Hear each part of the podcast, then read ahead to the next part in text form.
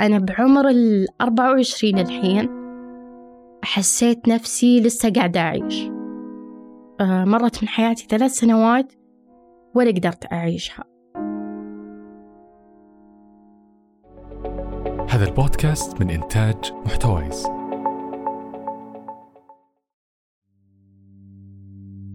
كل أحد يحب أن قصته تنسمع وأن صوته يوصل بتغطية ما لها حدود.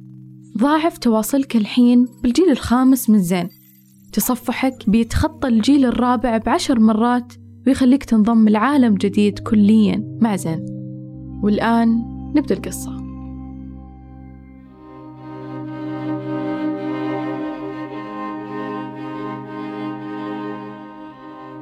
هناك ضيف ثقيل يأتينا عادة في الظلام ومرات عند المصائب لكن ماذا لو أتى على غفلة؟ دون سبب ولا نعلم كيف نصد أبوابنا عنه. في قصتنا اليوم والتي ترويها لنا شهد عن مواجهتها مع الخوف. آه بداية قصتي كانت بسنة 2014 بعد آه سنة ثالث ثانوي. تخرجت من الثانوي وبديت الصيف سجلت بالجامعات. آه كنت قاعدة أعيش فرحة إنه أنا بدخل مرحلة جديدة. آه خلص الصيف وطلع قبول الجامعات آه للأسف إني انقبلت بالجامعة لكن الترم الثاني. كنت زعلانة وقتها بس لما أتذكر الحين الوضع اللي كنت فيه أقول الحمد لله إنها كانت خيرة يوم من الأيام كنت آه، بين أقاربي في آه، عزيمة عادية. كنت جالسة وعادي ونتقهوى وسوالف من كل مكان يعني زي أي عزيمة عادية. آه فجأة حسيت إني أن حسيت إن فيني دوخة آه كانت أختي جنبي قلت لها أنا قاعدة أحس بدوخة أنا أول مرة كنت أحس بهذا الشعور. قالت لي عادي يمكن سكرك نازل ولا شيء. فعادي كملت سوالف وأكلت حلا قلت يمكن إنه يرفع السكر وكذا. بس الوضع زاد. أحس إني آه، تعبت زيادة. فما قدرت أمسك نفسي وعلى طول وقفت وناديت أمي. آه، خذتني كذا على جنب رحنا مجلس كذا ما كان في أحد. آه، زادت عندي الحالة لدرجة أني كنت أمسك أمي أقول لها أنا بموت. جلست أتشهد حرفيا. كنت أحس قلبي قاعد يزيد دقات قلبي قاعدة تزيد. أحس إني قاعدة أنتفض أحس بضيق تنفس فظيع. آه كان فجأة جو الناس آه واحدة تقرأ علي واحدة تشربني موية واحدة تمسك يدي. كان الوضع جدا سيء. آه طلعت من هناك وكان الوقت متأخر على يعني تقريبا على الساعة 12 آه رحت للمستشفى كان مستوصف يعني بالحي. بس إنه أشيك على نفسي أشوف إيش فيني. فشافت لي ضغطي نبضات قلبي كل شيء الحمد لله كويس. بعدها مر تقريبا شهر. هذا الشهر ما كنت أنا أبدا. وزني نقص النص أكلي ما عاد صار نفس أول. كنت دايما تعبانة دايما أحس بخمول. الشخص اللي كان كان يحب الاجتماعات ويحب الطلعات تغير تماما. بعدها جاني يوم أه كنت على أساس بطلع أشوف صاحباتي. أه ما عاد قدرت أوقف على رجولي. أه كانت تجيني رجفة ودوخة ومرة تعب اللي أول مرة أجربه. فعلى طول جلست أصارخ لأمي. لما جتني شافتني حرفيا صفرة كنت. كان شكلي منقلب. فعلى طول رحت المستشفى رجعت كأني طفلة عمرها خمس سنين. ما قدرت أترك يد أمي. آه ما أبغاها تروح ولا مكان. صرت متعلقة فيها دبل. آه طبعا فحصوني وأخذت مغذي سحبوا مني دم. وطلعت التحاليل أن عندي نقص فيتامين دي نازل تماما. آه الحمد لله قدرت أعالج نفسي قدرت آه أرفع أرفع الفيتامين دي للحد المعقول. وخلصت مع هذه المشكلة والحمد لله عدت. لكن المشكلة اللي جتني بعد هذا الشيء آه صار يجيني رهاب إني أطلع إني أروح مكان أخاف يجيني آه دوخة اللي أول كنت أحس فيها. كنت آه أخاف إني أجلس في مجلس وتجيني هذيك الدوخة وتجيني نفس الحالة اللي أنا بموت. قضت شهد ثلاث سنوات بين مشاعر خوف مجهولة أفقدتها الحياة الاجتماعية. لكنها اتخذت قرار غير من حالها. نكمل قصتنا بعد الفاصل.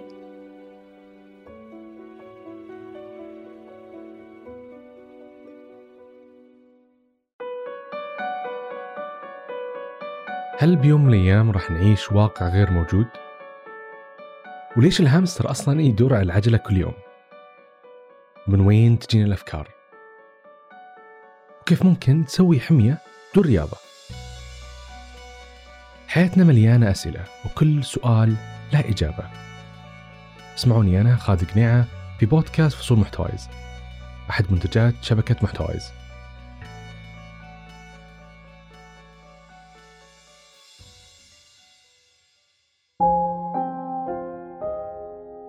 عانيت من هذا الشيء وللأسف أني اكتشفته متأخر. آه، لمدة ثلاث سنوات أنا ما طلعت من البيت أبدا. كنت فقط آه، يومي يمر من البيت للجامعة من الجامعة للبيت فقط. حتى حياتي بالجامعة ما كنت أحس فيها كأي بنت ثانية. يعني بالعادة أول سنة تحضيرية العالم تنبسط تبغى تكتشف الجامعة تبغى تشوف إيش الأشياء الجديدة اللي تغيرت. أنا لا أنا كنت من ال class للبيت ومن البيت لل class فقط. آه كانت هذه الطلعة الوحيدة في حياتي لمدة ثلاث سنوات. آه بعد أربع بعد ثلاث سنوات اكتشفت إنه أنا آه لازم أعالج نفسي لأن حياتي قاعدة تمر وأنا مو قاعدة أستفيد منها ولا شيء. آه قررت إني أروح الاستشاري نفسي. آه رحت للدكتورة ليلى الهلالي. آه دكتورة ليلى الهلالي أنا ما أعتبرها فقط دكتورتي أعتبرها أختي صديقتي. فضلها كبير علي مرة.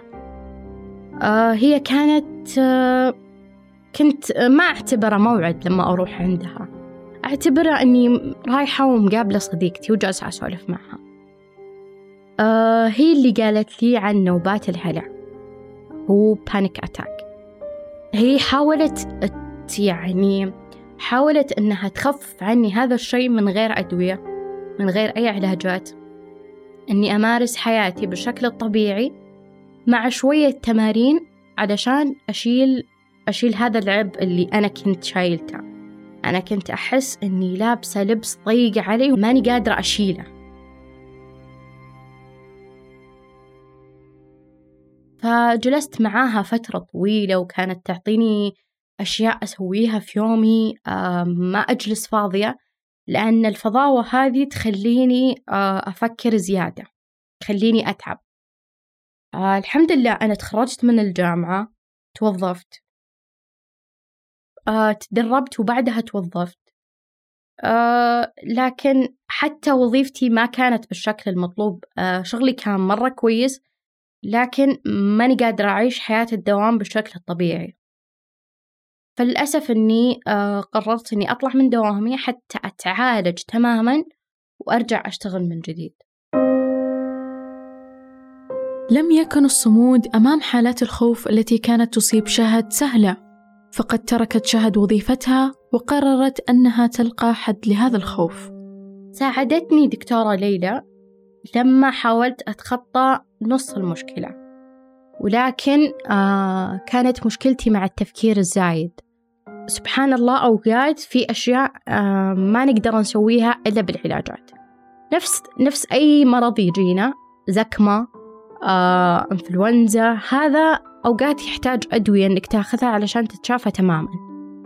أنا تشافيت شوي مع الدكتورة ليلى. وهي الدكتورة ليلى هي اللي نصحتني إني أراجع دكتور آه، دوائي يعالجني من الناحية الثانية. فاضطريت إني أروح عند الدكتور محمد العقيل. وصراحة أنا مرة مرة يعني ممتنة لهذا الدكتور. دخلت عليه كأني حسيت إني أنا داخلة على آه، أبوي على شخص يعني مرة قريب مني. آه، حتى كلامه كان لطيف؟ ما يحسسك إنه آه، مريض ودكتور. كان شعور ثاني. طبعا أخذت أخذت العلاجات مشيت عليها. من تقريبا أقول لكم من أول شهر حسيت بفرق. حسيت التفكير بدأ يقل عندي. آه شوي بديت أرجع لحياتي. قدرت أني أطلع. قدرت أني أمارس حياتي الطبيعية. درجة أول أنا كانت متعتي أني مثلا أطلع أروح أتمشى بالسوبر ماركت هذه كانت مرة عندي متعة فما كنت أقدر أسويها. بعد ما أخذت الحمد لله العلاجات قدرت أسوي كل شيء ببالي. آه، بمجرد ما أني خلاص أبغى أطلع هذا المكان على طول أطلع. ما يحتاج أني أجلس أراجع نفسي كل يوم وأخطط علشان أطلع لهذا المكان. وبالنهاية ما كان يصير. كنت أخطط وأتعب وأقول خلاص بروح لما يجي وقتها ما أروح. الحين صار لا أبغى أروح أروح على طول ما في شيء يوقفني.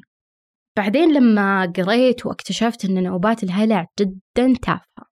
يعني ممكن أي إنسان يعالجها حتى بدون أدوية بدون طبيب. يعني هي ممكن يتعرض لها أي إنسان مدتها جدا قليلة يمكن من عشر دقايق إلى ربع ساعة ماكسيموم إلى نص ساعة. آه هي ممكن تجيك من الضغوط أنك مثلا تصير لك أشياء تضغطك بالدوام تصير لك أشياء تضغطك بحياتك الاجتماعية من من أح من أهلك من أصدقائك من أي شيء يصير. فهي تعرضك لل يعني فجأة من دون شعور تحس نفسك إن أنت خلاص آه ما تقدر ما تقدر توقف على رجولك وتكون ناسي أصلا الأسباب القديمة يعني آه فجأة أنا لما جتني نوبات الهلع ذكرت الأشياء القديمة اللي كانت تضايقني وأسكت. كنت دائما أكتم بقلبي. بعدها خلاص أنا عرفت أسيطر على الوضع. طبعا بمساعدة الدكتورة ليلى بمساعدة الدكتور محمد. أنا دائما أقول آه عمرك لا تتردد أنك تستشير شخص. آه شخص متخصص بهذه الأشياء. أنا في كلمة قالها لي الدكتور محمد آه لما قابلني أول مرة قال لي شهد تدرين أنك أنت جدا قوية اللي قدرتي تتحملين هذا المرض آه لمدة ثلاث سنين ولا شكيتي ولا رحتي عند أحد. هذه الكلمة الحين كل ما تجيني هذه الحالة مثلا أو أحس إني شوي خايفة أو مرتبكة على طول أتذكر هذه الكلمة. هذه الكلمة مرة ساعدتني. فدائما تأكدوا إنه ما في شيء صعب. آه إن فكرة فكرة المجتمع الحين عن الدكاترة النفسية آه بدأت تتغير. آه أبدا مو غلط إن شخص يروح يزور طبيب نفسي. ودائما لا تتردد إنك تشتكي لأي شخص قريب منك. أبدا الدنيا ما تسوى. إننا نكتم بقلبنا ونتعب زيادة. أنا بعمر الأربعة وعشرين الحين حسيت نفسي لسه قاعدة أعيش. آه، مرت من حياتي ثلاث سنوات ولا قدرت أعيشها. فأنا مرة ممتنة لكل الأشخاص اللي ساعدوني وأولهم أمي. مرة شكرا إنها وقفت معاي. آه كذا أحس الحين في مشاعر متلخبطة. مبسوطة و يعني أنا مرة مرة فخورة بأهلي واللي حولي. أبدا لا تترددون تستشيرون الناس اللي حولكم. آه بعد ما اكتشفت الاستشارة كيف قاعدة تفيد آه ما أتردد ولا أتفشل. بيوم من الأيام إني أستشير شخص مختص من طبيب نفسي استشارة اجتماعية. آه بالعكس فادني بنسبة مية بالمية. فعمركم لا تستحوا من هذا الشيء. الحياة بحر واسع من الاحتمالات وهناك مكان شاسع للدهشة وكل منا قصة تستحق أن تروى. ومع بطلة قصتنا شهد والتي استطاعت أن تواجه الهلع والخوف وتكمل حياتها. لأنها مؤمنة بأن الحياة جميلة ولا تستحق كل هذا الألم. فانظر في داخلك وفيما حولك بحثا عن القصة التالية. فالقصة لا تموت القصة تحيا إلى الأبد.